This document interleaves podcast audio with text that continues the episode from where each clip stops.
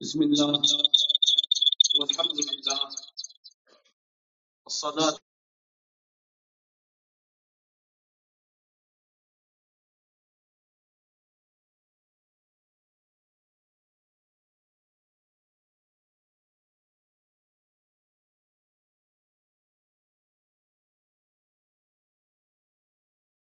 زهدا صلى الله عليه وسلم. ضمت مد الصلاة en de salam voor de profeet sallallahu alayhi wa sallam worden de zondes vergeven. En wordt jouw gradatie, jouw level hoger bij Allah azza wa jal. En de profeet sallallahu alayhi wa sallam die zei, zoals staat in Jami' al-Tirmidhi en sahih is verklaard door al-Albani rahimahullah ta'ala. De profeet sallallahu alayhi wa sallam die zei, al-bakhilu man dhukirtu indahu falam yusalli. De gierige, dat is degene bij wie ik genoemd word en hij zegt geen sallallahu alayhi wa sallam. En aangezien onze lezingen gaan over de engelen, ook daarover is een hadith gekomen van de profeet sallallahu alayhi wa sallam. De profeet sallallahu alayhi wa sallam die zei, Inna lillahi malaika. Allah heeft speciale engelen. Sayyahun. Ze gaan de wereld rond. Salama ummati. Zij brengen de salam van mijn ummah aan mij over. En hoe, misschien dat je denkt, hoe kan dat? Want de profeet sallallahu alayhi wa sallam is toch gestorven, zoals staat in de Koran. De profeet sallallahu alayhi wa sallam die zei, elke keer wanneer iemand de salat en salam over mij uitspreekt, dan geeft Allah mij mijn ziel terug om deze salam terug uit te spreken. Dus wanneer jij zegt, sallallahu ala Muhammad, dat betekent, mogen Allah zijn prijzingen uitspreken over Mohammed. Mogen Allah tevreden zijn met Mohammed. Mogen Allah de genade uitspreken over Mohammed. De engelen verrichten dezelfde dua voor jou. En de profeet sallallahu alayhi wa sallam verricht dezelfde dua voor jou. Dus elke keer wanneer je de naam hoort van Mohammed sallallahu alayhi wa sallam, respecteer hem dan en spreek de salat en salam uit over de profeet sallallahu alayhi wa sallam. Een andere engel over wie we het vandaag ook gaan hebben. Jibril alayhi salam. En hij kwam, hij kwam een keer naar de profeet sallallahu alayhi wa sallam. En hij zei, zeg amin. En de profeet zei amin.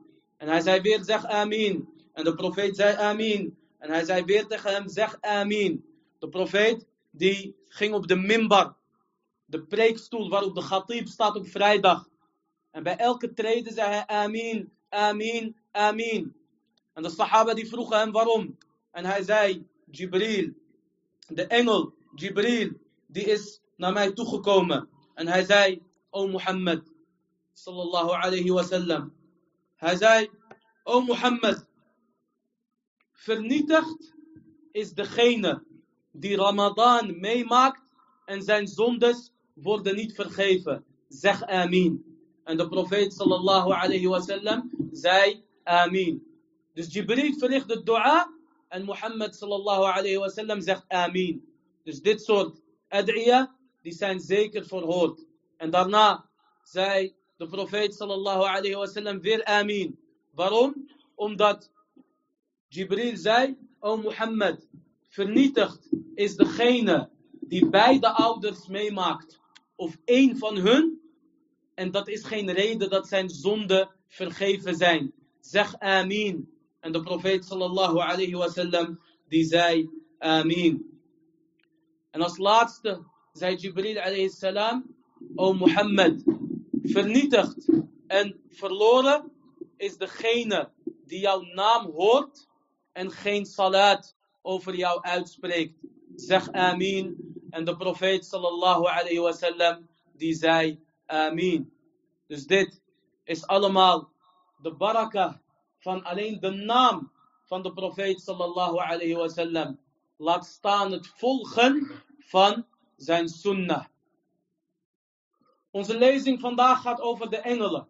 Hun namen, hun eigenschappen en wat zij precies doen. En het eerste wat zij doen, vandaag de dag, is dat zij inshallah aanwezig zijn bij dit soort zittingen. Omdat de profeet sallallahu alayhi wasallam zei, zoals staat in het sahih, Inna lillahi malaikatun, malaikatan sayyahina fil ard, fudulan an kuttabin nas. De profeet sallallahu alayhi wasallam zei, en deze riwaya staat in Musnad al-Imam Ahmed.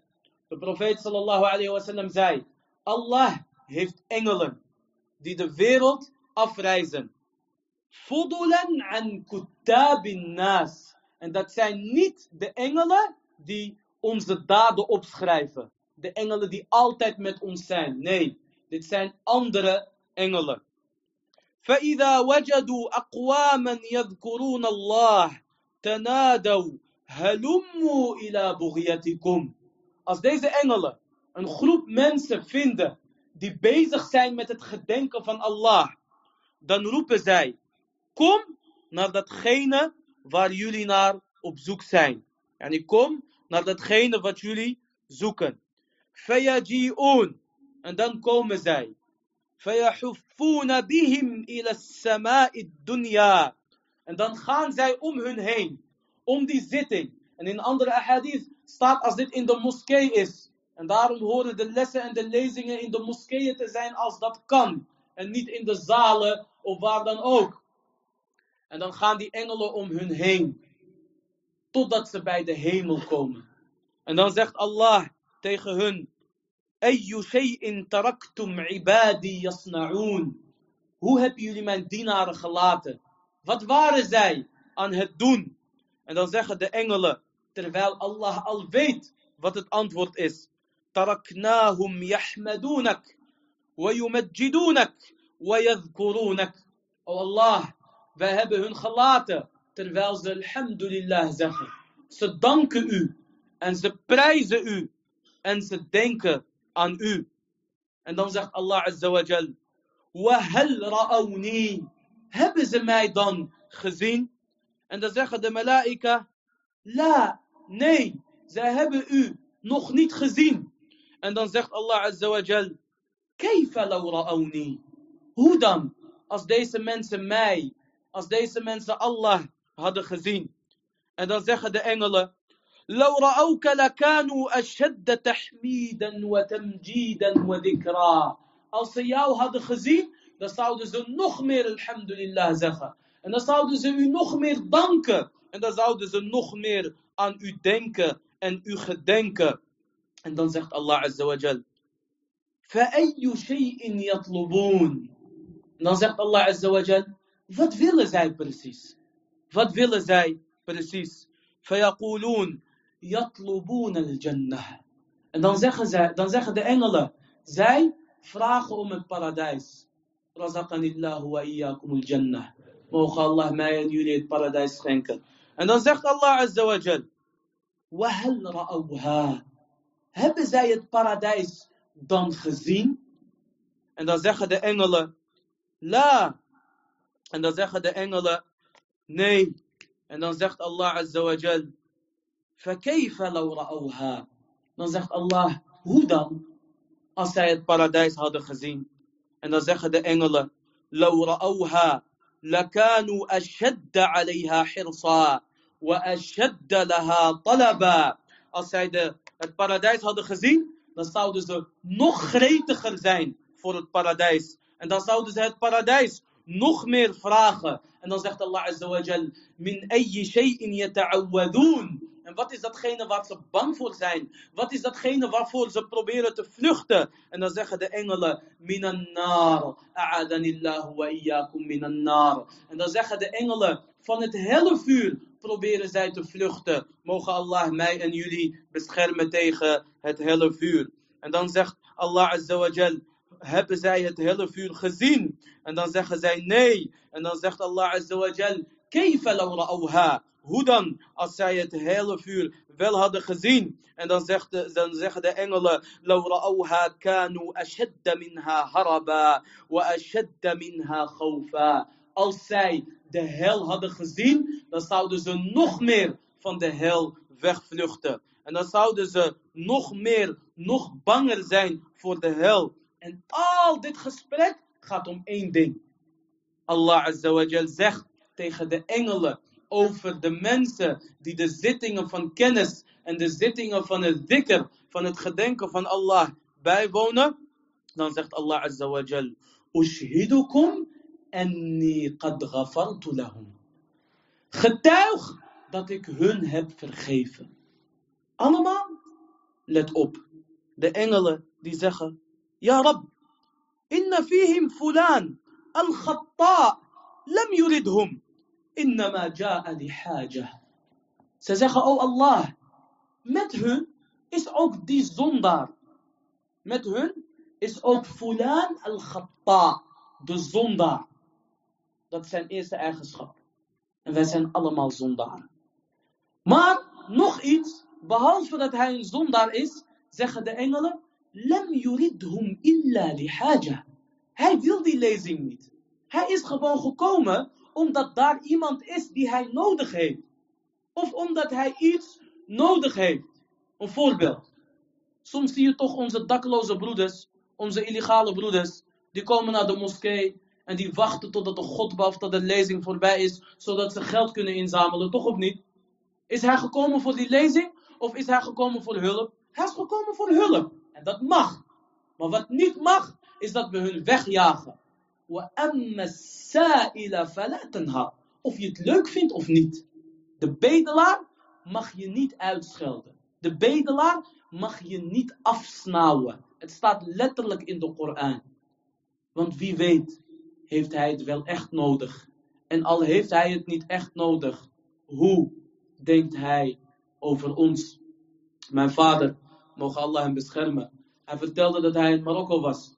En hij zag een bedelaar in een bus. En in Marokko hebben ze de gewoonte, voordat een bus vertrekt, komt er iemand naar binnen, een dichter of een bedelaar of wat dan ook. Dus hij ging naar de bus om te bedelen. Hij gaat via de voordeur erin en via de achterdeur eruit. En toen hij via de achterdeur eruit kwam, kwam iemand haastig. En hij zei, waar gaat deze bus naartoe? En die bedelaar die zei, ila jahannam inshallah. Die bedelaar die zei, deze bus gaat naar het helle vuur inshallah. Waarom? Niemand heeft hem niet eens één dirham gegeven. Dus zo komt het over bij een bedelaar, of je nou gelijk hebt of niet. En mohim, een bedelaar mag je niet weigeren. Dus om jullie een voorbeeld te geven waarom iemand naar een lezing kan komen of naar een les zonder daar behoefte aan te hebben. En dat zeggen deze engelen ook. Ze zeggen, oh Allah, met hun zit die zondaar. Hij is daar alleen gekomen omdat hij iets nodig heeft.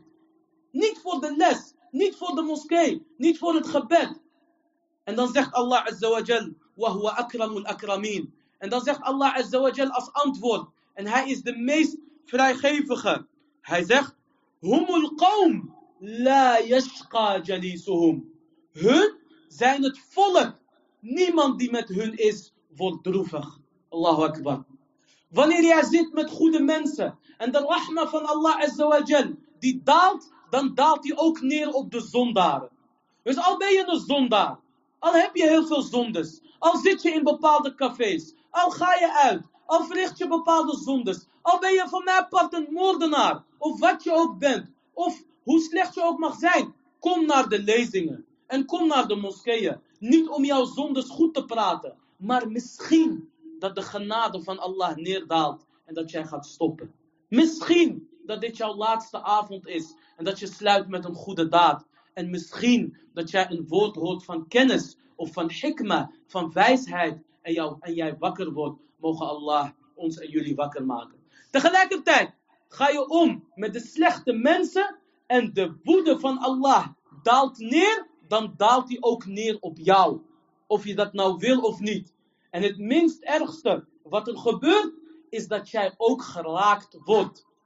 Umar ibn Khattab, radiallahu anhu, die zegt zoals overgeleverd staat bij al-Bayhaqi in Shu'ab al-Iman. Hij zegt, ijtanibu a'da Allah. اليهود والنصارى في أعيادهم فإن سخط الله ينزل عليهم ولا آمن عليكم أن يصيبكم ذلك عمر بن الخطاب أمير المؤمنين hij zegt radiallahu anhu, vermijd de vijanden van Allah, de, de Joden en de christenen, op hun feestdagen. Want de woede van Allah, die daalt dan op hun neer. En ik, ik vind het niet veilig voor jullie dat jullie dan daar zijn. Want iets van de vervloeking kan jullie dan ook raken. Nah. En ook zei de profeet sallallahu alayhi wasallam dat er in de toekomst aan het einde der tijden een leger richting el Kaaba zal gaan. Om el Kaaba te vernietigen. Zoals staat in het Sahih. En de profeet sallallahu alayhi wasallam die zei, yukhsaf bihim. Er komt een sinkhole, een zinkgat, dat het hele leger verdwijnt. En toen zei Aisha, ja Rasulallah, met hun zitten ook de bediendes en de waterschenkers en mensen die niet zijn gekomen voor oorlog, maar ze zijn gedwongen om mee te gaan. De profeet sallallahu alayhi wasallam zei, zij worden allemaal vernietigd. En daarna worden zij opgewekt aan de hand van hun intentie.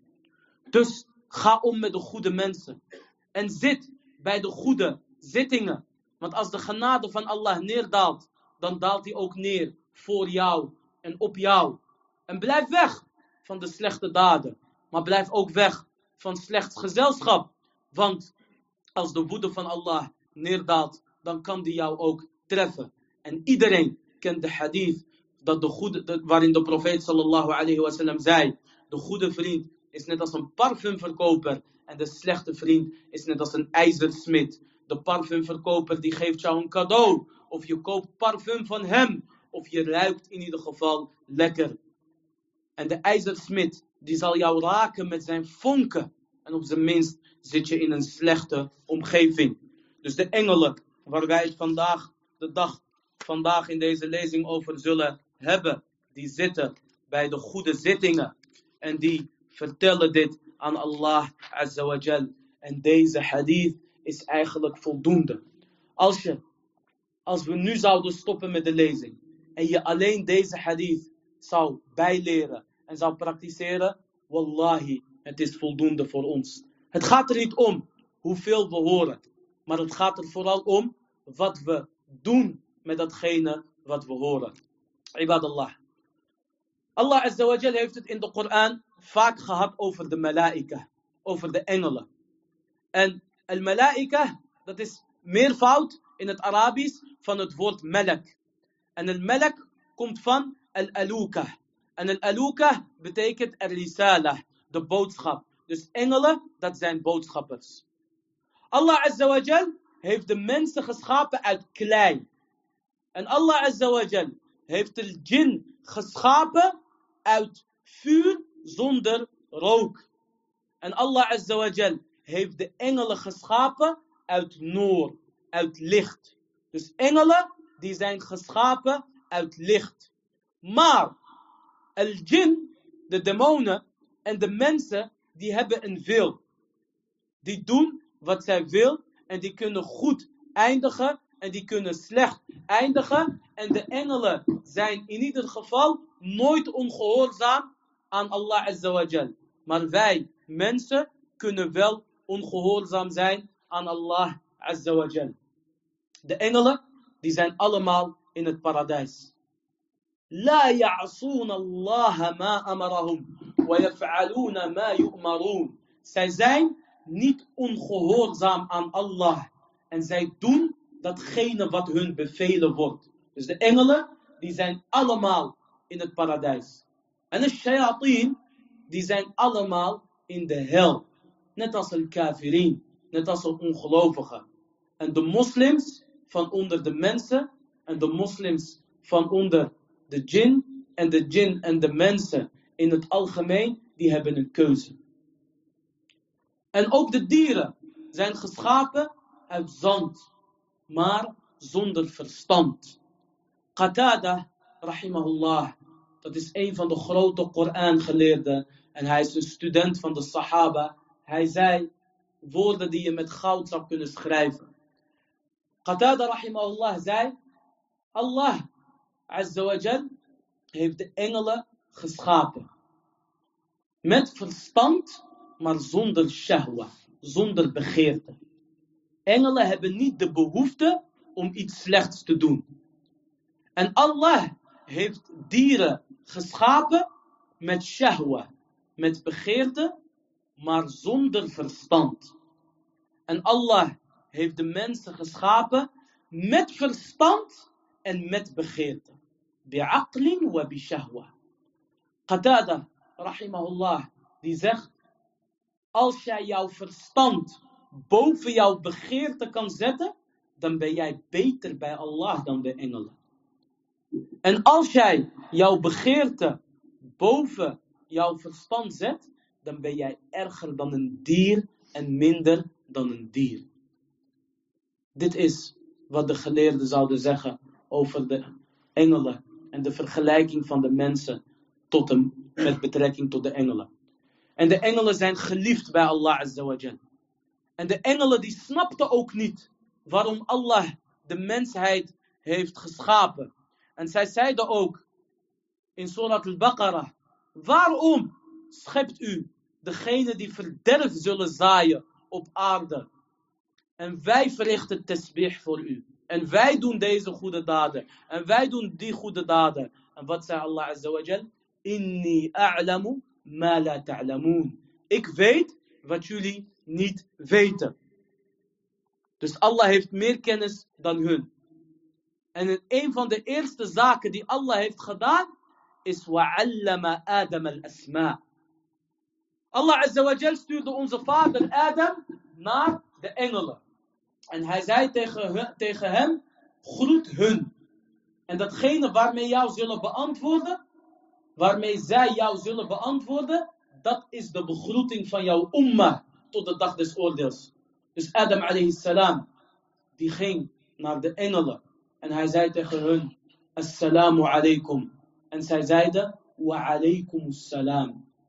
Dit is de begroeting van deze umma tot de dag des oordeels. En niet hallo of goedemorgen of wat dan ook. Dat komt daarna.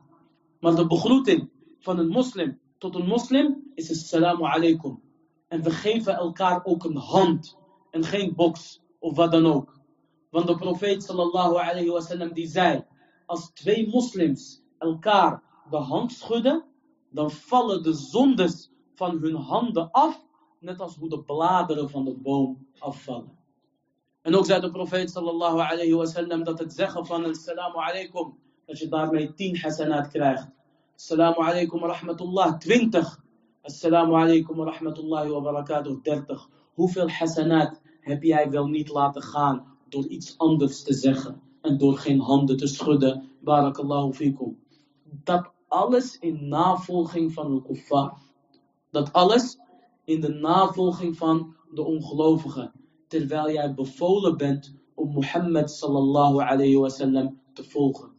Je hoeft een ander niet te disrespecten. Je hoeft een ander niet te beledigen. En je hoeft zeker geen geweld onterecht toe te passen. Maar je hoeft een ander ook niet te volgen. Hun verzinnen Zwarte Vrijdag, wij hebben Zwarte Vrijdag. Hun verzinnen Witte Vrijdag, wij hebben Witte Vrijdag. Hun verzinnen, hun verzinnen Paarse Vrijdag, wij sturen onze kinderen naar Paarse Vrijdag. Allah, waarschijnlijk zag je het paars voor je ogen. Want ik weet niet met welk gezicht jij Allah Azawajal gaat ontmoeten. Terwijl jij je kinderen hebt gestuurd naar die activiteiten van Paarse Vrijdag. Op die dag zul je paars kijken en het gaat je niet helpen. Op die dag zullen tranen bloed zijn, maar het gaat je niet helpen. Op die dag sta je in de zweet tot je enkels of je knieën of je borst of je schouders of je verdrinkt in de zweet aan de hand van jouw zondes. Maar niks gaat jou helpen behalve jouw goede daden. Waar ben je bang voor? Accepteren gaan ze toch niet doen. Accepteer jij Allah en de profeet sallallahu alayhi wasallam, maar leef met respect. En leef met kennis en leef met wijsheid.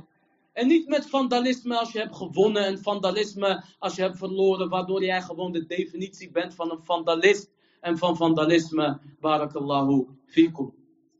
Dus Allah azawajal, die zei tegen Adam, en hij zei tegen de engelen, geef mij de namen van alles. En zij wisten niet. Wa'allama Adam al-asma. En hij gaf Adam de kennis over alles. Adam wist dat een tafel een tafel was. En dat zwart zwart was. En dat een boom een boom was. En hij wist van alles. Tot in de details. En de engelen toen zij merkten aan Adam dat hij wel alles wist. En zij vroegen hem ook. Zei Allah Azza weer tegen de engelen. Alam aqul lakum.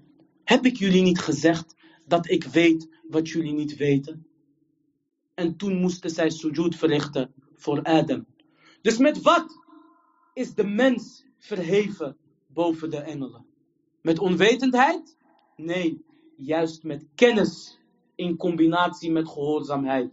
Dus doe kennis op, want dat is het verschil tussen ons en de engelen. En dat zal jou beter maken dan de engelen, zodat de engelen jouw bedienden zullen zijn in het paradijs. En dat is ook een van hun eigenschappen, dat hun bedienden en helper zijn van de gelovigen.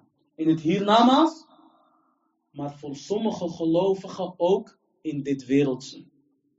Allah Azza wa Jal zei, rabbakum. Toen jullie, o moslims, met Ghazwat Badr hulp vroegen aan Allah Azza wa Jal. En toen zei Allah Azza wa Jal, Anni mumiddukum. Ik zal jullie helpen. Met hoeveel? Met 20.000 engelen. Dus de engelen, die dalen ook neer om de moslims te helpen. In het verleden, in het heden en ook in de toekomst, insha'Allah ta'ala. Een van de sahaba die zei, ik was bezig met het bevechten van de mushrikeen. En toen ik hem bijna de genadeklap gaf, hoorde ik iemand achter mij zeggen, Akdim Hayzoom, Akdim Hayzoom. Een ruiter die sprak tegen zijn paard. En hij zei, opeens zag ik de hoofd van die mushrik vliegen. En ik pakte hem en ik ging naar de profeet sallallahu alayhi wasallam. En ik zei tegen de profeet, ja Rasulallah, dit en dit heb ik meegemaakt. En toen zei de profeet sallallahu alayhi wasallam, jij bent geholpen met een, door een engel. En ook Jibril alayhi salam, die daalde neer om Mohammed sallallahu alayhi wasallam en de sahaba te steunen. Een van de sahaba had een zware mushrik vastgepakt. Een sterke mushrik had hem vastgebonden en hij bracht hem naar de profeet sallallahu alayhi wasallam. En die mushrik die voelde zich vernederd en beledigd. En hij zei, ja Mohammed, deze man heeft mij niet gepakt. En dat kan hij ook niet. Ik ben gepakt door twee sterke mannen en ik zie ze hier niet. En deze sahabi, hij zei, jawel, ik heb jou gepakt. Ik ben degene die jou heeft geboeid. En de profeet sallallahu alaihi wasallam die lacht. Hij zei, stil, stil, je bent geholpen door de engelen. Je bent geholpen door de engelen. En dit is iets wat ook gebeurt na de tijd van de sahaba. Ibn Asakir overleverde dat er een man was. En deze man, die was een drager. Hij had een ezel en daarmee zou hij spullen van de mensen dragen. Het was een arme man, maar het was een vrome man. En de engelen die komen naar de vrome dienaren en niet naar de viezerikken. Naar hun komen de shayateen en dat zullen we zo meteen ook uitleggen. Hij zegt, dus terwijl deze man die overvaller moest vervoeren, zei hij tegen hem, ik ken een kortere weg. Neem die weg. En hij nam die weg. En hij zei tegen hem, stop hier. Geef me je geld, geef me je spullen en ik zal je doden. En die man die zei, alsjeblieft, laat me. Laat me gaan, laat me gaan. Hij zei tegen hem, kijk naar die kuil, kijk naar die gat, kijk hoeveel luiken hierin zijn. Kijk hoeveel lijken hierin zijn. Allemaal waren ze aan het smeken naar jou. Hij zei, ik heb kinderen, ik heb een vrouw. Hij zei, ja, dat zeiden deze mensen ook. Hij zei tegen hem, laat mij dan twee raka'at bidden. Dat is de sunnah. De twee raka'at voor een executie. En deze sunnah, die is geïntroduceerd door de edele sahabi Khabbab ibn al-Arad. Voordat hij werd geëxecuteerd door Quraysh, bad hij twee raka'at. En hij bad snel. En hij zei tegen hun, Wallahi, als jullie niet zouden denken dat ik bang was voor de dood, had ik langer gebeden. Maar ik heb snel gebeden, zodat jullie niet denken dat ik bang was voor de dood. En toen zeiden ze tegen hem, zou jij niet willen dat Mohammed sallallahu alayhi wasallam hier zat in jouw plaats? En hij zei, Wallahi, ik zou niet willen dat Mohammed sallallahu alayhi wasallam een dorentje in zijn voet zou krijgen. Of gestoken zou worden door een dorentje, in plaats van dat ik hier weg En toen zei hij, ولست أبالي حين أقتل مسلما على أي جنب كان في الله مصرعي وذلك في ذات الإله وإن يشأ يبارك على أوصال شلو ممزع Hij zei, en het boeit me niet op welke manier ik zal sterven, zolang ik maar zal sterven omwille van Allah. En Hij zegent wat Hij wil, subhanahu wa ta'ala. Waarom? Omdat zoals de andere dichter zei, من لم يمت بالسيف مات بغيره تعددت الأسباب والموت واحد المتنبي een Arabische dichter hij zei wie niet sterft door het zwaard zal door wat, andere, zal door wat anders sterven de redenen zijn veel maar de dood is één dus deze man hij bad twee raka'at maar hij was niet net als Khabbab ibn al-Arad snel hij deed een beetje lang hij zei, ik was alles vergeten, zelfs Surat al-Fatih. En hij weet, de dood die komt. En die moordenaar, die zegt tegen hem, doe snel, doe snel. Blijkbaar was het een moordenaar die toch een moslim was. En dat kan. Mogen Allah ons en hem vergeven. En hij zei, ik was alles vergeten. Surat al-Fatiha, Qul a'udhu bi al-falaq. Alles was ik vergeten. En opeens kwam het, het volgende vers in mijn hoofd. أمن يجيب المضطر إذا دعاه ويكشف السوء ويجعلكم خلفاء الأرض أإله مع الله Hij zei het volgende vers kwam in mij op. Wie is degene die helpt in noodzaak? En de problemen weghaalt. En degene die jullie leiders maakt op aarde. Is er een God naast Allah. En hij zei, ik begon deze verzen te herhalen. En hij zegt, wallahi, er kwam een ruiter op zijn paard met een speer en hij doodde deze moordenaar. En hij zei tegen hem, ik vraag jou bij Allah, wie ben jij? En hij zei, ik ben de dienaar van degene die de mensen beantwoordt in noodzaak. Ik ben een engel die is gestuurd door Allah Azawajal. En Allah Azawajal die is tot alles in staat. En Allah Azawajal die zegt letterlijk in de Koran, وَمَا يَعْلَمُ جُنُودَ رَبِّكَ إِلَّا هُ En niemand kent de soldaten van Allah, behalve hij. Alleen Allah, die kent zijn soldaten. En de engelen, die zijn van de soldaten van Allah. En de wind is ook een soldaat van een soldaat van Allah. En de verantwoordelijke over de wind, dat is de engel Jibril alayhi salam, zoals Ibn Kathir rahimahullah ta'ala zegt. En daarom zie je ook dat wanneer er een windhoos komt of een tornado, je mag zijn wie je bent. Je mag welk gebouw ook bouwen, je wordt vernietigd door Allah Azza. En wallahi, het is geen toeval dat de meeste tornado's plaatsvinden bij landen die het meest vijandig zijn tegen de moslims, zoals de Verenigde Staten. En de schade daar is enorm. Alleen zijn zij ook enorm goed in het bagatelliseren van elk nieuws die voor hun negatief is. Al-Muhim. Dus Jibril is een van de engelen van Allah. En hij is verantwoordelijk voor de boodschap. En Israfil is een van de engelen van Allah.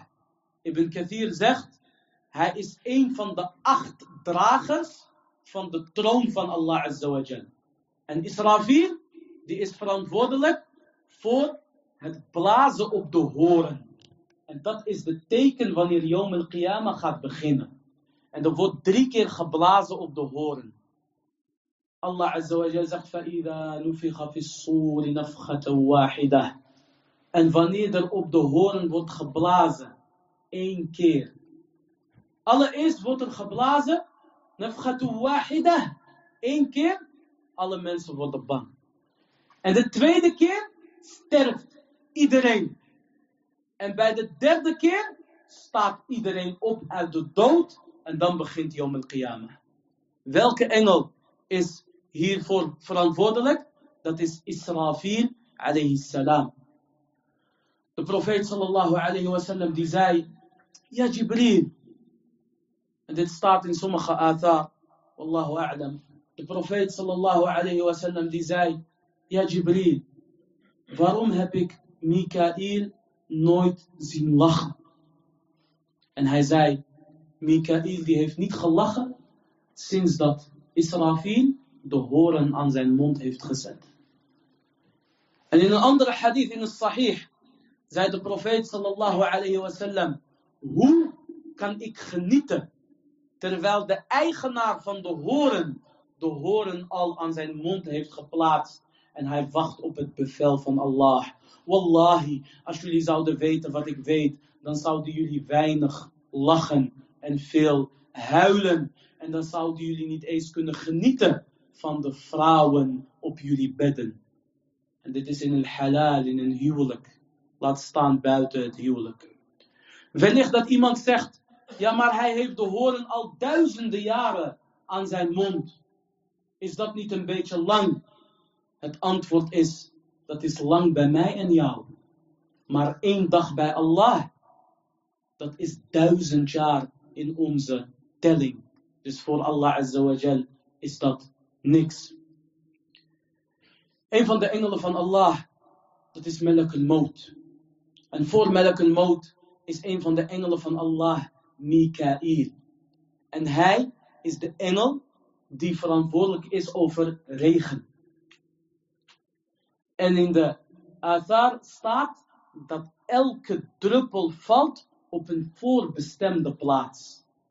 En Mikael, die heeft helpers van de engelen die dat doen. En deze drie engelen, dat zijn de meest geweldige engelen bij Allah. Jibrail en Mikael en Israfil. En met hun zou de profeet sallallahu alayhi wasallam ook zijn nachtgebed openen. En hij zou zeggen, Allahumma rabba Jibril wa Mikael wa Israfil. O Allah, de God van Jibril en Israfil en Mikael. En hij zou een lange dua vertellen of opnoemen die wij de volgende keer zullen vertellen. Bi'idnillahi ta'ala. Verder, een van de engelen die ook specifiek is genoemd in de Koran, dat is Malak al-Maut, de engel des doods. In vele athar, zwakke athar, wordt zijn naam Israël genoemd. Of Azraïl.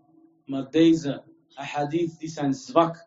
Zoals Ibn Kathir zei. En Ibn Kathir die zei. Dat kan zijn naam zijn. Wallahu a'lam. De engels des doods. Die heeft ook helpers. En die komt naar de goede mensen. Of die komen naar de goede mensen in goede gedaante. En ze komen naar de slechte mensen in een verschrikkelijke gedaante. In de dunya voor de akhira.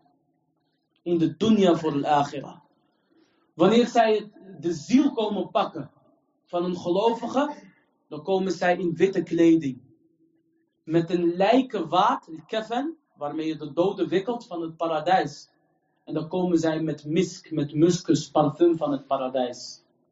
En wanneer zij komen naar een kafir, of een slecht persoon, dan komen zij met een vieze geur.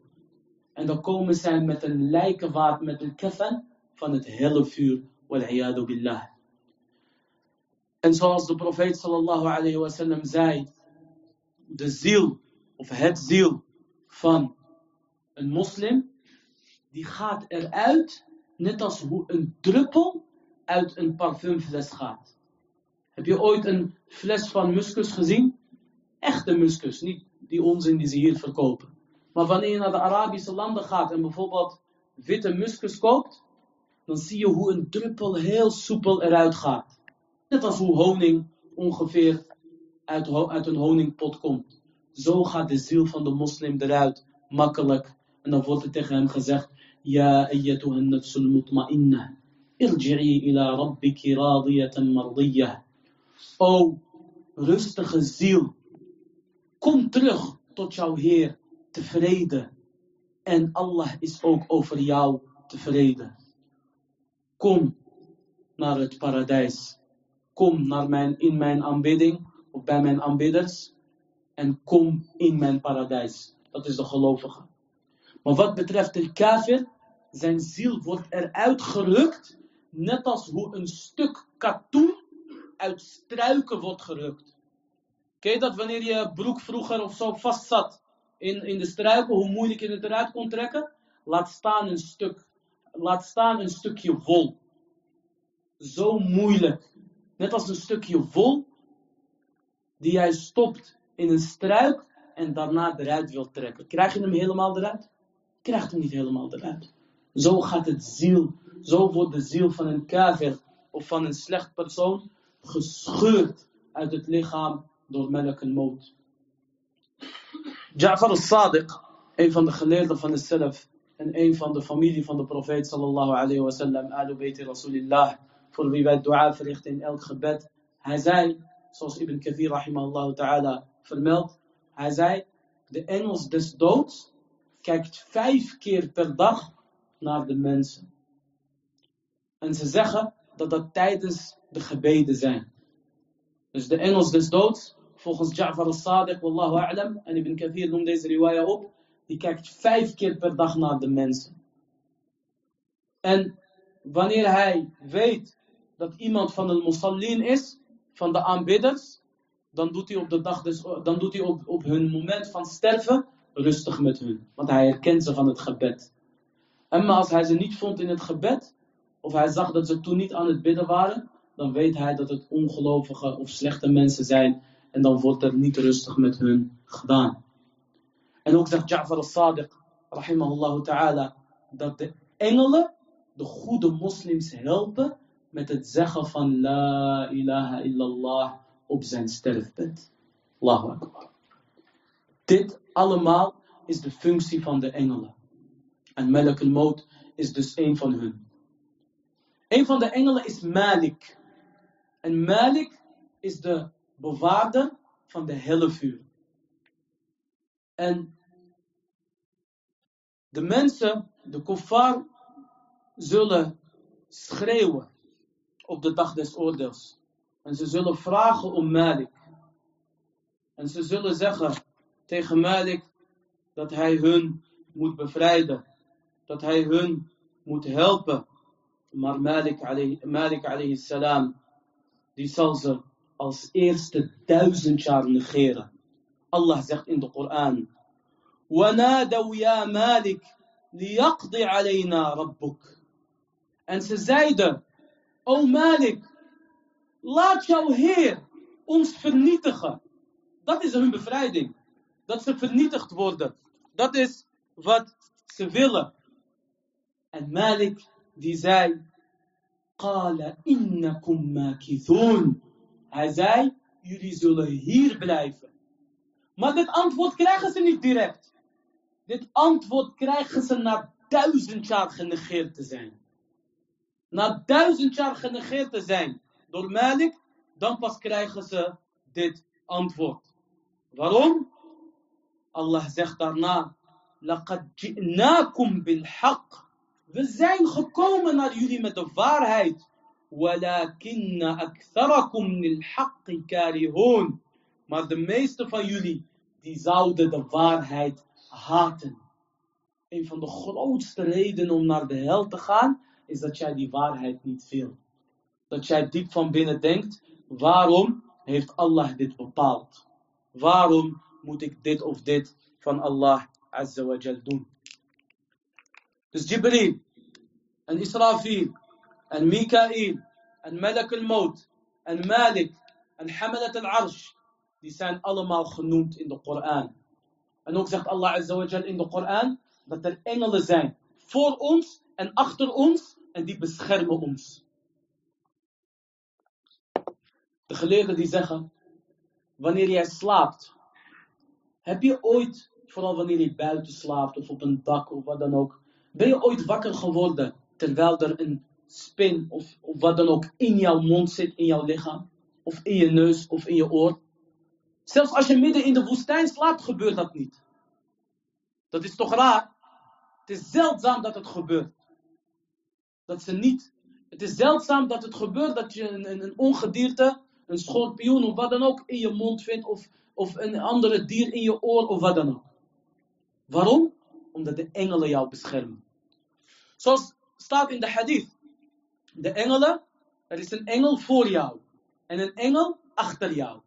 En elke keer wanneer je iemand jou iets wil aandoen, dan zeggen die engelen, ga weg.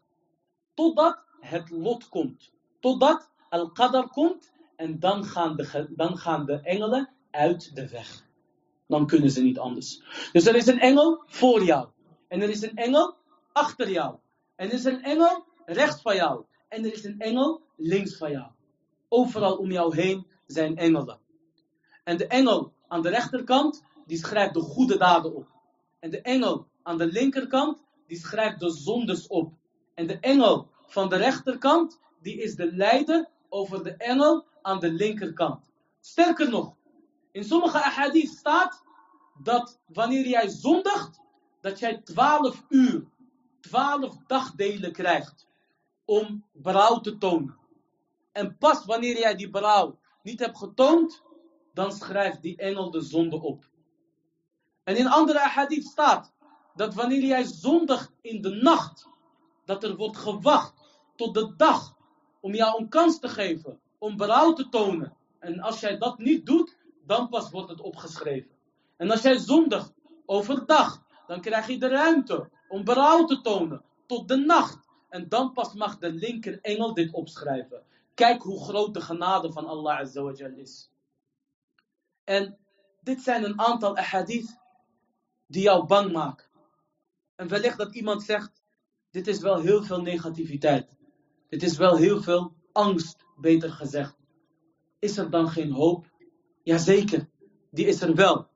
En de laatste hadith die ik opnoemde, dat is een hadith van hoop.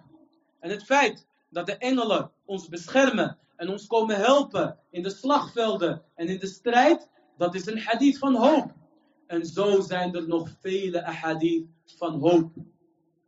De profeet sallallahu alayhi wasallam zei, als iemand de Koran reciteert en daarvoor de siwak gebruikt, oftewel zijn tanden poetst, en hij reciteert de Koran, dan komen de engelen steeds dichterbij. Dan is er een engel die steeds dichterbij komt, totdat die engel zijn mond plaatst op de mond van de reciteur, zodat elk vers wat hij leest direct in, de, in het mond van de engel gaat. En daarom zouden ze zeggen over Umar ibn Khattab radiallahu anhu, als hij zou preken op de minbar, كأن الملك يتحدث على لسانه. Alsof er een engel was die op zijn tong, die middels zijn tong zou praten. En iedereen weet dat wij een karin hebben. Iedereen weet, er is een duivel met ons die ons aanspoort tot het slechte. De sahaba zeiden, ja Rasulallah, zelfs jij, en de profeet sallallahu alayhi wasallam zei, zelfs ik, alleen Allah heeft mij geholpen en die van mij is bekeerd. Maar er is niet alleen een karim van de shaitaan, er is ook een karim van een malaika. Er is ook een engel die altijd bij jou is, غير al-kuttab. Zonder los van de engel die jouw goede of slechte daden opschrijft. En deze engel, die spoort jou aan tot het goede. Dus de engel die zegt tegen jou, doe goede dingen. En de duivel met jou, die zegt, doe slechte dingen. En dat is dat gevoel wat je in jezelf hebt. En jij, of dat stemmetje wat je soms hoort. En het is aan jou om toe te geven of niet. Want uiteindelijk is het je eigen keus als mens zijnde en helemaal als man zijnde. Allah Azza wa Jal, die zegt in de Koran, Qu anfusakum wa ahlikum nara. Bescherm jullie zelf en jullie families tegen het vuur. En een ahl in de Arabische taal omvat jouw vrouw en jouw kinderen. Dus de boodschap is aan eerste instantie gericht aan wie? Aan de man. Maar wat doen de mannen deze tijd? Beschermen ze hun vrouwen en hun kinderen tegen het helft Of zeggen ze tegen hun vrouw, je moet werken, want je moet ook de helft van de huur betalen? Dit is niet wat staat in de Koran. In de Koran staat dat jij de leiderschap hebt. Maar dat je ook je verantwoordelijkheden moet nemen. En een van de grootste verantwoordelijkheden is dat jij jouw vrouw en jouw kinderen beschermt tegen het hellevuur.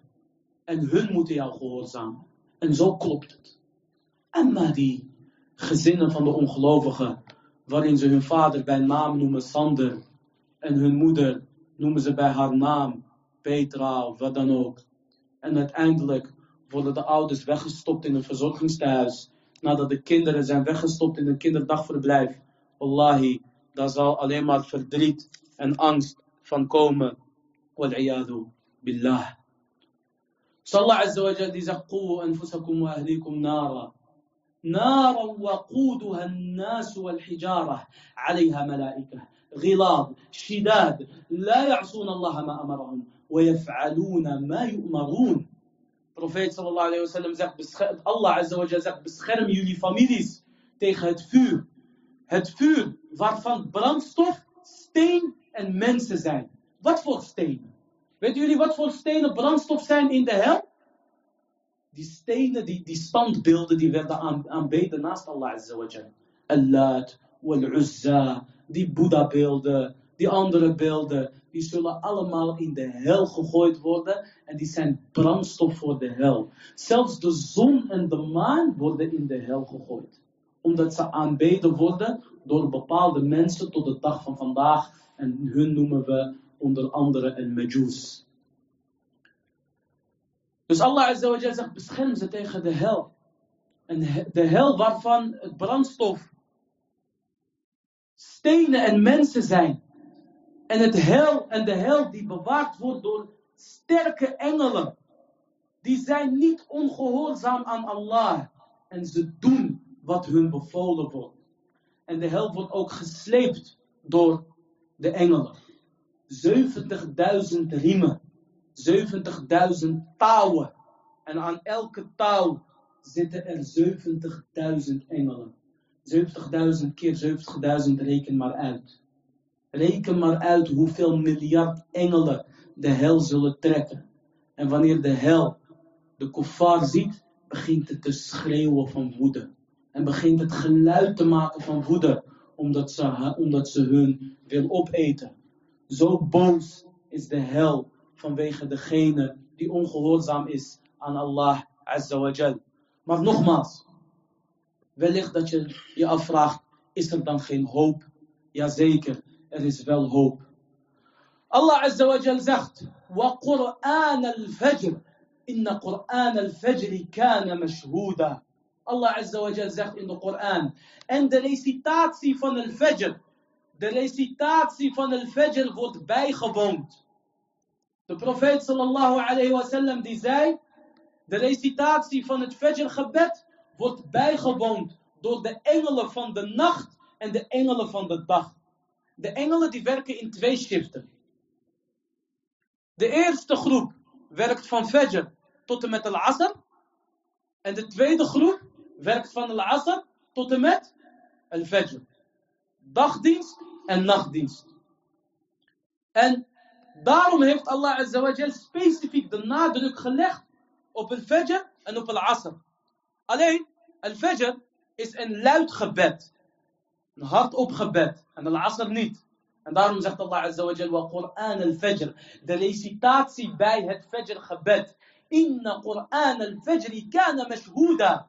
De Qur'an van al-Fajr wordt bijgewoond. En wanneer de engelen van al-Fajr en de engelen van al-Asr elkaar afwisselen. Dan zegt Allah Azza tegen hun. Hoe hebben jullie mijn dienaren gevonden? En dan, zegt dan zeggen de engelen tegen Allah Azza. Huwa a'lamu bihim. En Allah heeft meer kennis dan hun. En van hun over de dienaren. Dan zeggen zij, oh Allah, we hebben ze aangetroffen terwijl ze aan het bidden waren. En we hebben ze gelaten terwijl ze aan het bidden waren. En dan zegt Allah Azza wa Jal, anni qad ghafartu lahum.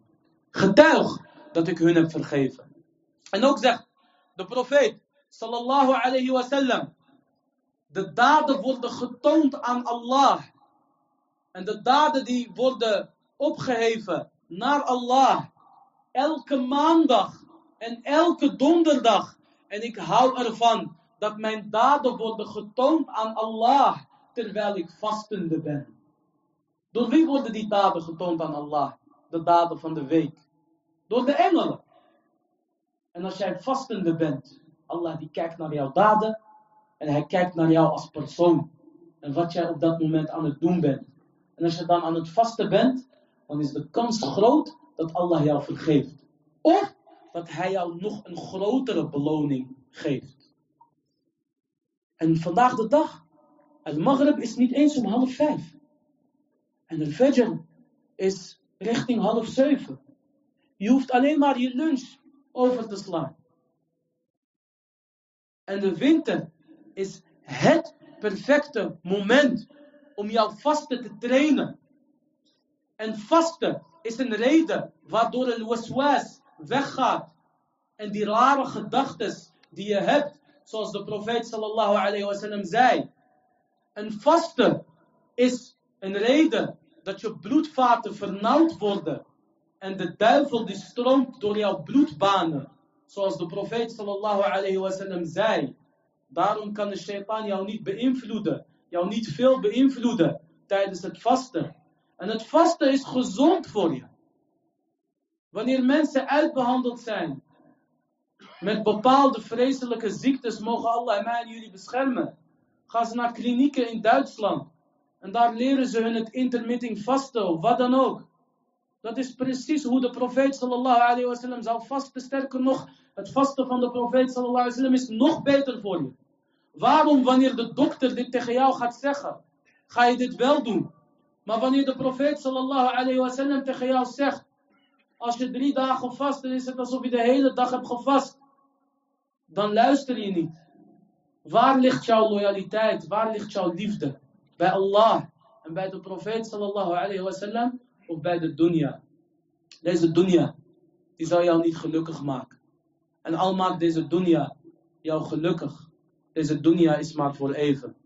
Ibn al-Qayyim rahimahullah ta'ala, hij zegt, de dunya bestaat uit zand, steen en zand. Jouw huis bestaat uit steen en zand en klei. En het hiernamaals, het paradijs, bestaat uit goud en zilver. En het cement is muskus. Ibn al-Qayyim rahimahullah zegt, als deze tijdelijke dunya zou bestaan uit goud en zilver. En de eeuwige en het eeuwige paradijs zou bestaan uit zand en klei, dan zou je vanuit verstand, vanuit jouw ratio, zou je moeten kiezen voor het eeuwige zand en klei in plaats van het tijdelijke goud en zilver. Laat staan wanneer je weet dat het eeuwige bestaat uit goud en zilver en het tijdelijke bestaat uit zand en uit klei. Barakallahu fiek. Wat heb je aan deze dunya? Leg me uit. En wat heb je aan de mensen van de dunya? Wat heb je aan de schoonheid van iemand die niet geschikt is als een moeder? Wat heb je aan de portemonnee van een man die niet geschikt is als vader? Wat zul je erven behalve vervloeking? En kijk hoe bepaalde mensen doordraaien na hun succes. Mogen Allah ons en jullie beschermen. Zelfs de profeet sallallahu had een kameel. En die was het snelste van iedereen. Wanneer ik tegen jou zeg, een kameel kan je vergelijken met een sportauto vandaag de dag. En die kameel van de profeet sallallahu alayhi wasallam, niks was sneller dan dat. Maar op een dag kwam er een Bedouine met zijn kameel. En hij haalde de kameel van de profeet sallallahu alayhi wasallam in. En de sahaba die werden droevig. En toen zei de profeet sallallahu alayhi wasallam, Haqqun ala Allah, en la yartafi'a shay'un fi hadihi dunya illa wada'ah. Het is een recht, een bevel van Allah, dat alles wat stijgt in deze dunya ooit zal moeten dalen. Jij en ik, wat alles wat stijgt in deze dunya ooit gebroken zal moeten worden.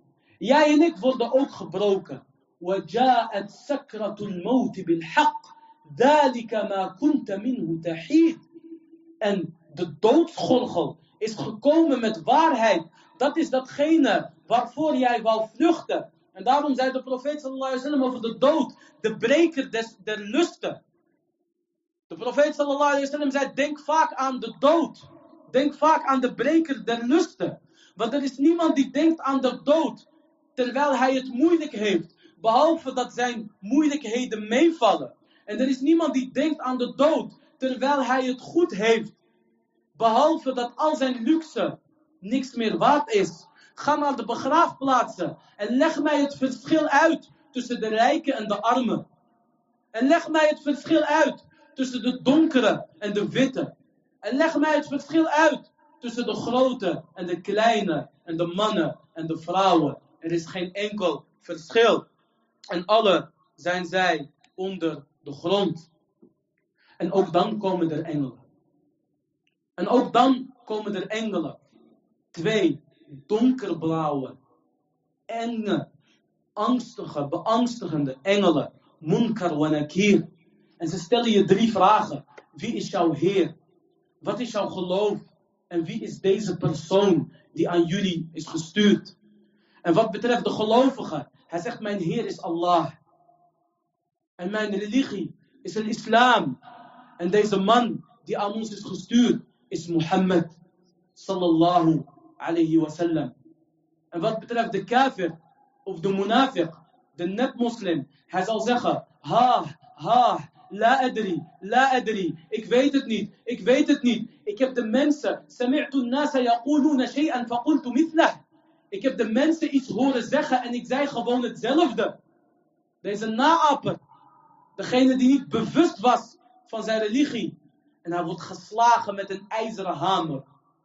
En 70 el daalt hij in de grond.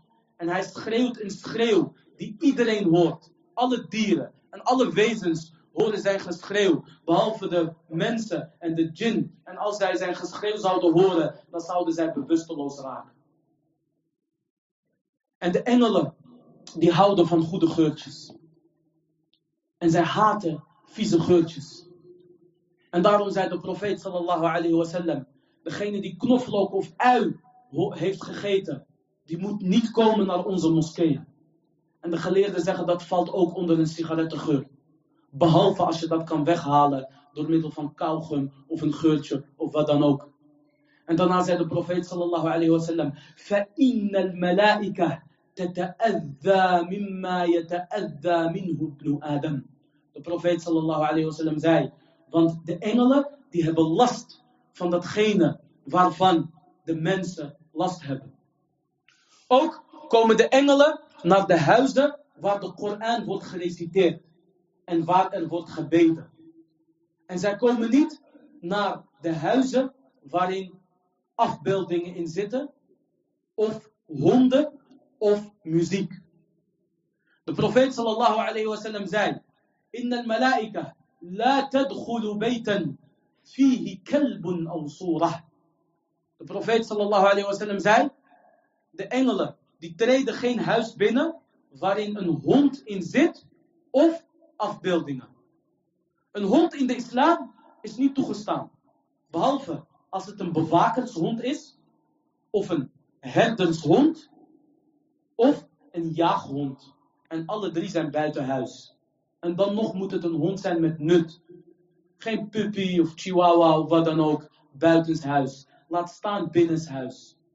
Doe je dat wel, zoals die vrouwen die dit beschouwen als een mode-item, of mannen die denken dat het heel stoer is om thuis een hond te hebben, dan zegt de profeet sallallahu alayhi wasallam, elke dag gaat er een berg hasanat van jou weg. Als je die berg van hasanat hebt. En ook zei de profeet sallallahu alayhi wasallam, de engelen gaan jouw huis niet binnen. Wanneer de engelen jouw huis niet binnen zijn, wat blijft er over?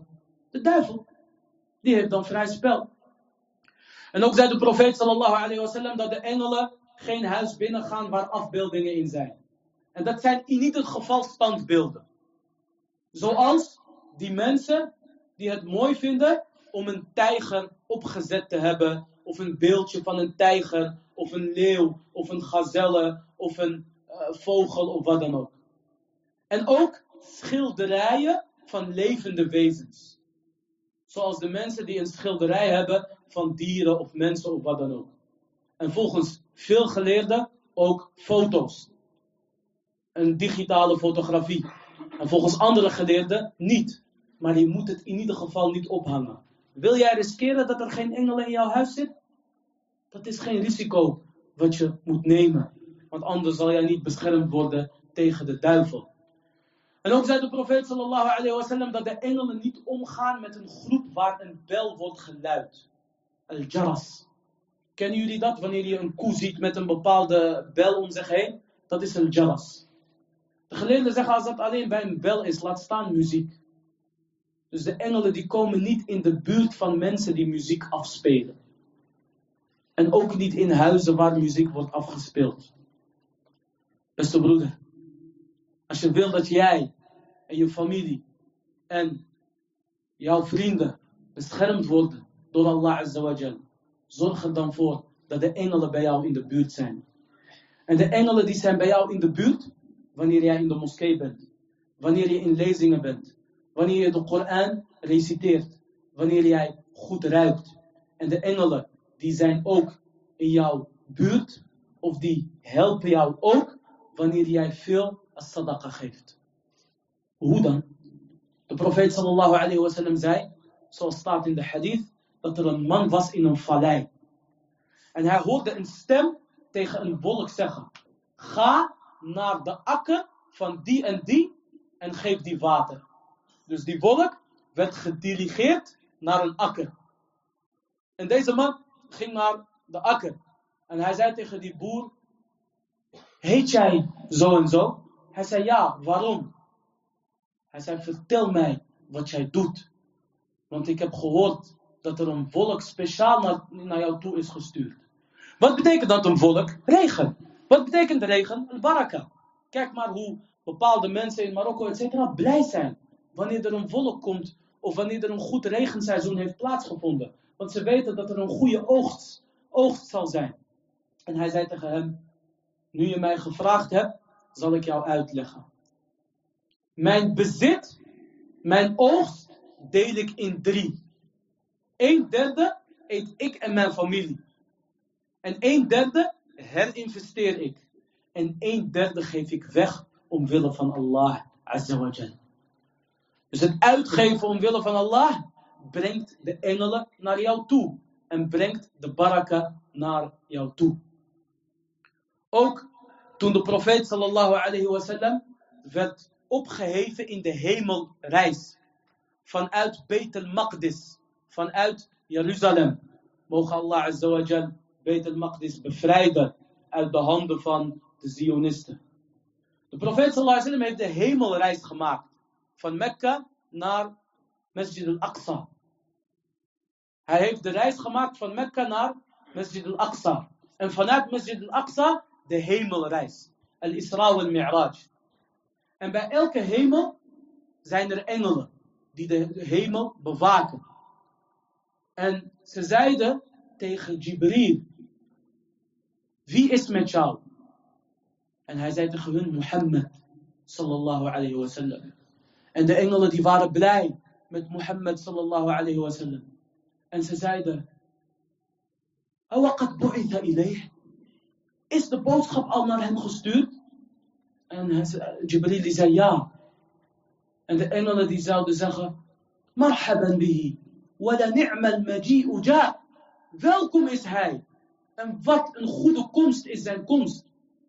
En de profeet sallallahu alayhi wa sallam zei, bij elke hemel zouden de engelen zeggen, Ja Mohammed, mur ummataka bil hijama. O Mohammed, geef jouw umma het bevel om hijama te verrichten. Dat is een advies van de engelen aan ons, die aan ons is overgedragen via Mohammed sallallahu alayhi wa sallam. En een hijama Haalt het vieze bloed uit jouw lichaam. Het is een oplossing voor heel veel ziektes, heel veel onverklaarbare ziektes en migraineaanvallen, etcetera, etcetera. Dus dit is een van de hoopgevende zaken van de engelen. En ook zei de profeet sallallahu alayhi wa sallam, istawu, i'tadilu, la takhtalifu, qulubakum. من وصل صفا وصله الله من قطع صفا قطعه الله ألا تصفون كما تصف الملائكة عند ربها De profeet sallallahu alayhi wa sallam, voordat hij zou bidden, zou hij zeggen, maak jullie rijen recht. En heb geen verschil, want dan zal Allah jullie harten laten opsplitsen. Degene die een rij compleet maakt, degene die een rij vervol maakt, Allah die zal hem vervol maken. Degene die een rij afsnijdt, Allah die zal hem afsnijden. Allah die zal hem afsnijden. Maken jullie je rijen dan niet recht, zoals de engelen hun rijen recht maken? Boven de Kaaba, in de zevende hemel, is er een andere soort Kaaba. En dat is een Beit al-Ma'moor. De profeet sallallahu alayhi wa sallam zei, als deze Beit al-Ma'moor zou vallen op aarde, dan zou die precies vallen op de Kaaba. De profeet sallallahu alayhi wa sallam zei, elke dag gaan er 70.000 engelen naar binnen bij het Beit al-Ma'moor en die komen niet terug tot de dag des oordeels. En ook zei de profeet sallallahu alayhi wa sallam, Attat is sama, wa hukka laha an ta'ut. De profeet sallallahu alayhi wa sallam zei, de hemel kreunt. En de hemel heeft gelijk dat zij kreunt. Ma min mawdi'i arba'i asabi' illa wa malakun yasjud au au au. De profeet sallallahu alayhi wa sallam zei, er is geen plek in de hemel van vier vingers, behalve dat er een engel is die sujud aan het verrichten is of een andere aanbidding. Allah heeft engelen die constant in sujud zijn. En engelen die constant in record zijn. En engelen die constant aan het aanbidden zijn. Dus voel je, niet, voel je niet bijzonder als je een goede daad hebt gedaan. En weet dat er engelen zijn die veel meer doen dan mij en jou. Allah heeft onze aanbidding niet nodig. Wij zijn degene die hem nodig hebben. Ik kan uren blijven praten over de engelen. Maar ik wil afsluiten met twee zaken. Allereerst Jibril alayhi salam. De profeet sallallahu alayhi wa sallam heeft Jibril gezien in zijn ware gedaante en hij had 600 vleugels. En van zijn vleugels zouden robijnen en parels afvallen. Van zijn vleugels. En subhanallah, als je gaat lezen over robijnen, dan zul je zien dat ze zeggen, dit is niet iets aards. Dit is iets wat van de meteorieten is gekomen of wat dan ook. Gefeliciteerd jij en je meteorieten. Dit is iets salam, van zijn vleugels is afvallen onder andere. Elke keer wanneer Jibril zou neerdalen naar de aarde, dan zouden de robijnen en parels van zijn vleugels afvallen. Van zijn vleugels vallen. En Jibril salam had 600 vleugels. Elke vleugel bedekt de hele hemel. En de profeet wasallam heeft hem twee keer gezien op zijn ware gedaante. Maar hij zou soms ook komen in de gedaante van een mens. En engelen die kunnen dat. En hij zou in de gedaante komen van een, van een Bedouine, van een Arabi. En hij zou de profeet sallallahu wasallam vragen stellen om de moslims te leren. En ook de profeet sallallahu alaihi wasallam, die zou Jibril vragen stellen. En hij zei bijvoorbeeld tegen Jibril, wat zijn de, iemand kwam naar de profeet sallallahu alaihi wasallam en hij zei, wat zijn de meest geliefde plekken bij Allah en wat zijn de meest hatelijke plekken bij Allah. En de profeet sallallahu alaihi wasallam zei, la adri, hatta as'ala Jibril. Ik weet het niet, totdat ik Jibril zal vragen. En toen zei de profeet sallallahu alayhi wa sallam, Aina sa'il, waar is de vraagsteller? En hij zei sallallahu alayhi wa sallam, Atani Jibril. Jibril is naar mij toegekomen en hij heeft mij verteld, Anna ahabba al-biqa'i ila Allah al-masajid, wa abghadu al-biqa'i ila Allah aswaquha. De meest geliefde plekken bij Allah, dat zijn de moskeeën. En de meest gehate plekken bij Allah, dat zijn de markten. En niet alleen de markten van vroeger, maar ook de winkelcentrums van vandaag de dag. Want daar gebeurt fitna. En daar gebeurt geschreeuw. En daar gebeurt geroep. En daarom zei de profeet sallallahu alayhi wasallam ook over de moskeeën. Die de meest geliefde plekken bij Allah zijn. Hij zei sallallahu alayhi wasallam. Iyyakum wa heyshat al-aswaq. Pas op voor het geschreeuw van de markten in de moskeeën. En een van de vormen van geschreeuw in de moskeeën, die lijkt op de geschreeuw van de markten, is dat er een voetbalwedstrijd wordt gekeken in het huis van Allah Azza wa Jal. Ibadallah, o moslims, barakallahu fikum. Deze moskeeën, die zijn gebouwd of die worden gehuurd met de sadaqat van een moslimin. Het is niet jouw geld en het is ook niet het geld van je vader. Het is geld wat is gegeven door de moslims om een huis te bouwen waarin Allah wordt herdacht, waarin wordt gebeden, waarin Koran wordt gereciteerd. Deze moskeeën, deze gebouwen zijn van niemand, die zijn van Allah alleen. En de profeet sallallahu alayhi wasallam, die zei tegen de Bedouinen, die urineerden in de moskee. Hij plaste in de moskee vanuit onwetendheid. De profeet sallallahu alayhi wasallam, die zei tegen hem, Inna al-masajida lam tusna' lihada. De moskeeën, die zijn niet gebouwd voor dit wat jij hebt gedaan. Innama ju'ilat للصلاة وتلاوة القرآن وذكر الله تعالى. إنما أداة حصر. De moskeeën zijn alleen gemaakt, slechts gemaakt, om te bidden en om Allah te gedenken en om Koran te reciteren. Wil jij een voetbalwedstrijd kijken of wat dan ook? Kijk thuis. Kijk in een buurthuis. Kijk in een plek waar Allah niet wordt gezondigd. Kijk niet in de moskee. Doe je dat wel, dan ben je zondig bij Allah Azza wa Jal. Dan ben je zondig bij Allah Azza wa Jal. Deze moskeeën zijn waqf. Deze moskeeën zijn een sadaqa. Niemand mag zomaar een moskee verkopen. Of een moskee slopen. Of een moskee ver verbouwen. Of iets in de moskee doen wat niet past bij de moskeeën. En een van de dingen die niet past bij de moskeeën is het kijken van voetbalwedstrijden. MashaAllah. Dat is het enige wat wij nodig hebben. Dat voetbal wordt gekeken in de moskee. En je stoort hiermee de mosallin. De profeet sallallahu alayhi wa sallam zei over de moskee. La yajhar ba'dukum ala ba'din bil Qur'an. Je mag je stem niet verheffen tegenover jouw broeder die ook in de moskee zit, door het reciteren van de Koran, met de Koran. Je mag hem niet lastigvallen met de Koran. Laat staan met jouw voetbalwedstrijd, barakallahu fikum. Om maar te zwijgen over hoe weinig mensen komen naar het gebed, of hoe weinig mensen überhaupt bidden, wanneer er zo'n wedstrijd aanwezig is. Mogen Allah ons en iedereen leiden. En dit is Jibril. Hij kwam naar de profeet sallallahu alayhi wa sallam om ons te leren. En een van de zaken die Jibril alayhi salam ook heeft gedaan, is het vernietigen van Qawm Lot. Is het vernietigen van het volk van Lot. En dat is het verhaal van Sodom en Gomorra. Sadum. En dit verhaal staat niet alleen in de Koran, maar ook in de Bijbel en in de Torah.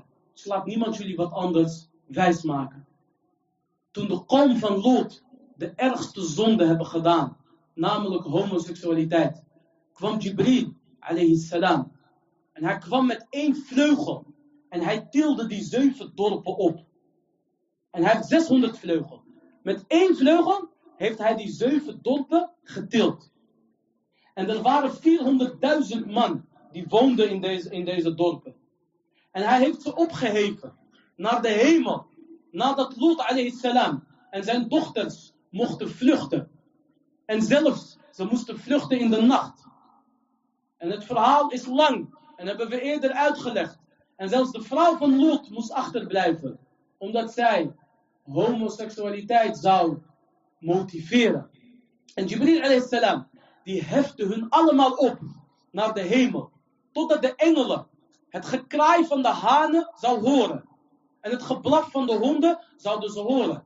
En Jibril salam draaide die dorpen om en hij liet ze neerstorten naar aarde. Dat is het volk van Lot. La'natullahi ala man amila amala qawma Lot, zegt de profeet sallallahu alayhi wa sallam.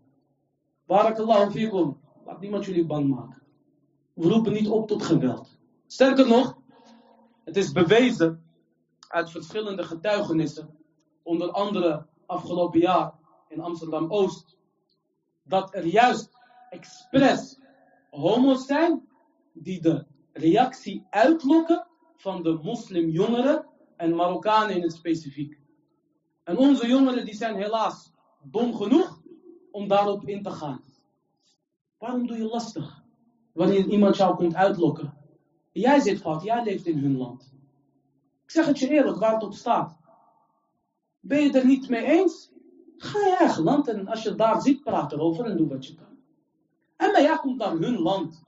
Het eerste land waar zo'n huwelijk mogelijk is gemaakt. En jij wilt jouw wil en jouw wet uh, opleggen. Malakum, afala ta'qilun. Heb je geen verstand? Maar, dat neemt niet weg dat je dit nooit moet accepteren als moslim zijnde. En dat je je kinderen moet sturen naar de islamitische scholen waar dit niet wordt gedaan. Wallahi, het is vijf voor twaalf. En zeg maar gerust, vijf over twaalf. In het begin was het acceptatie. En nu is het opdringen van hun vervloekte methodiek. La fina. Er zit geen goedheid in ons als we onze zonen en dochters niet beschermen tegen dit vergif. En zelfs de ongelovigen, de echte christenen en iedereen die een beetje goedheid heeft, die worden wakker. En vele van hun zijn ook bekeerd. Vele van hun zijn ook bekeerd.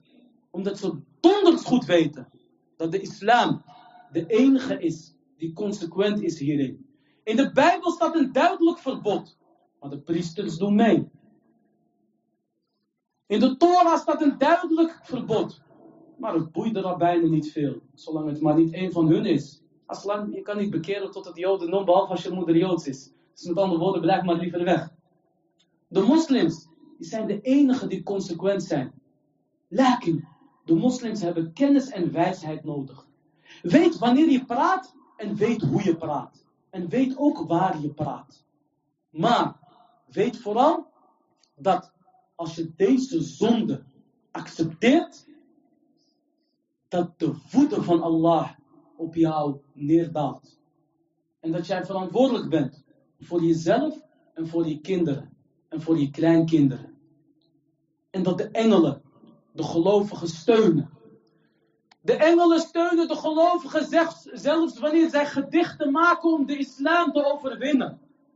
De profeet sallallahu alayhi wa sallam zou zeggen tegen Hassan ibn Thabit, Uhjuhum wa ruhul qudus ma'ak.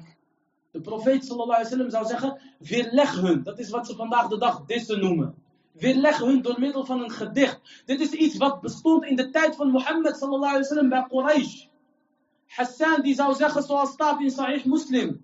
هجوت فأجبت, فأجبت عنه وعند الله في ذاك الجزاء هجوت محمدا برا حنيفا رسول الله شيمته الوفاء فإن أبي ووالده وعرضي لعرض محمد منكم وقاء Dit is poëzie. En poëzie is het hoogste wat bestaat in taal.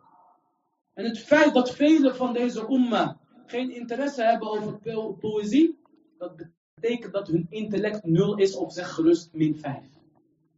Want de Arabieren die waren grote dichters.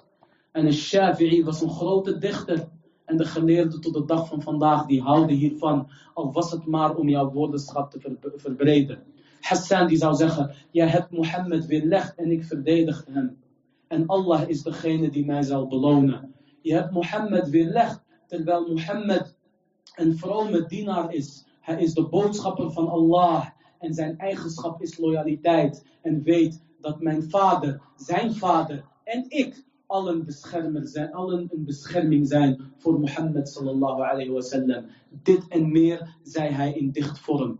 Waar zijn de dichters van de islam als de moslims op de landen of de zaken van de moslims worden aangevallen? En de profeet sallallahu alayhi wasallam die zei tegen Hassan, Uhjuhum wa ruhul qudusi ma'ak. Hun en de heilige geest is met jou.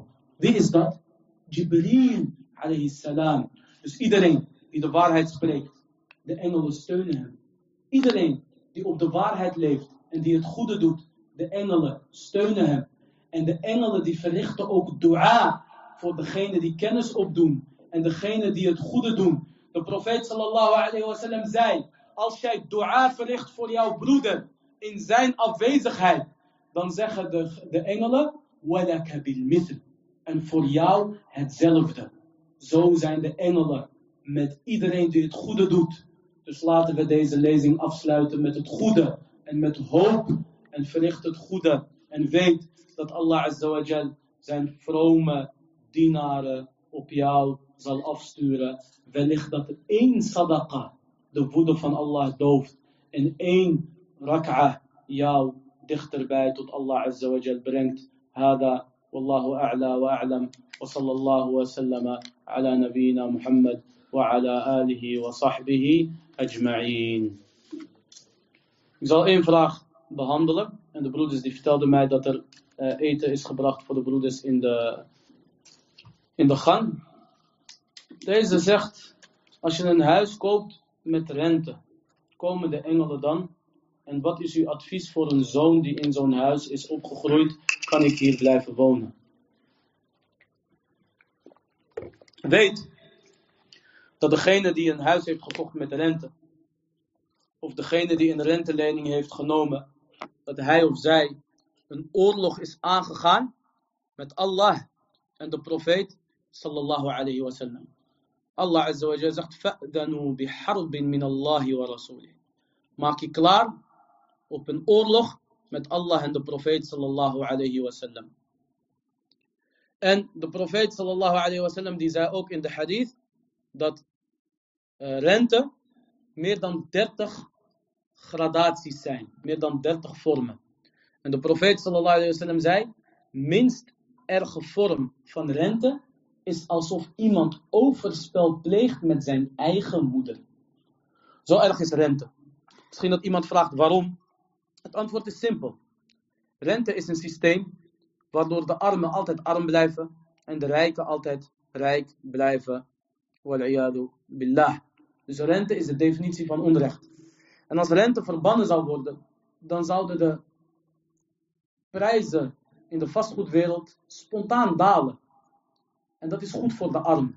Een huis van 3 ton zou dan 50.000 euro, 60.000 euro zijn. En een paar jaar werken en je kan het kopen en je bent verlost van de huur. Maar dat willen deze mensen niet. Ze willen dat je altijd hun slaaf blijft. En dat je altijd alleen maar moet denken hoe jij de kosten kan betalen. En daarom is de islam met de oplossing gekomen. Kariha al de ongelovigen dat. Ik durf niet te zeggen dat de engelen zo'n huis helemaal niet binnenkomen. Maar de duivels die zijn zeker wel aanwezig. En wat betreft de zoon, als hij minderjarig is, het is niet zijn keuze. Hij hoeft hier niks aan te doen.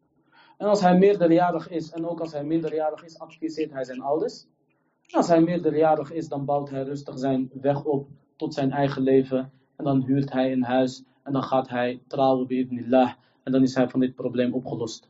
Barakallahu fikum. Onze ouders hebben ons opgegroeid in huizen net als luciferdoosjes. Maar wallahi, we waren gelukkig. En wanneer ik kijk naar de mensen die bijvoorbeeld naar Almere zijn gegaan, et cetera. En huizen hebben gekocht, koophuizen. Alleen maar stress en problemen. Die kinderen zijn verkast. Alsof het uh, halve moslim zijn. Daarmee bedoel ik niet daarmee bedoel ik dat ze de slechte eigenschappen hebben overgenomen. Dat is één. Ten tweede, stress. Wanneer ze scheiden, is die man dakloos. Zodra die overwaarde hoog is, zegt die vrouw, nou, als je het niet bevalt, daar is de deur. Dat is mijn huis. Ik heb ook recht op dit huis. Sahulala. Terwijl ja, wanneer er een huurwoning is, ja, neem dat huis, neem een andere huurwoning. Dus rente is een en al slechtheid. En er is ook een artikel gekomen in de Telegraaf. Hè, en zelfs de leugenachtige kranten die spreken soms de waarheid. Ze zeggen, heel veel medewerkers op de werkvloer worden geïntimideerd door hun manager met de volgende zin. Kijk maar wie jouw hypotheek binnenkort gaat betalen. Kijk maar jouw hypotheek binnenkort gaat betalen. Met andere woorden, je bent zijn slaaf. Snappen jullie waarom de islam tegen rente is? De islam wil dat jij leeft in vrijheid. Dat jij niet wordt geremd door uh, rente en door andere zondes. Daarom moet je ook nuchter blijven. En de islam wil ook niet dat jij beïnvloed wordt door brood en spelen. En dat is een tactiek van vroeger. En daarom, die bestaat tot de dag van vandaag. En daarom ook volkssporten. Het zijn dingen die worden verzonnen om jou een maand bezig te houden. En dan hebben ze het niet meer over de andere zaken die daarvoor wel speelden. Dus wees een bewuste moslim. Maar tegelijkertijd pas ook op voor dat extremistische onzin. Want dat is ook een kaart waarmee ze de moslims uitspelen. Ik vraag Allah Azza wa Jal om ons allemaal te leiden. Ik vraag Allah Azza wa Jal om onze ad'iyah te accepteren. Ik vraag Allah Azza wa Jal om onze zondes allemaal te vergeven. هذا والله أعلى وأعلم. وصلى الله وسلم على نبينا محمد وعلى آله وصحبه أجمعين. وآخر دعوانا أن الحمد لله رب العالمين.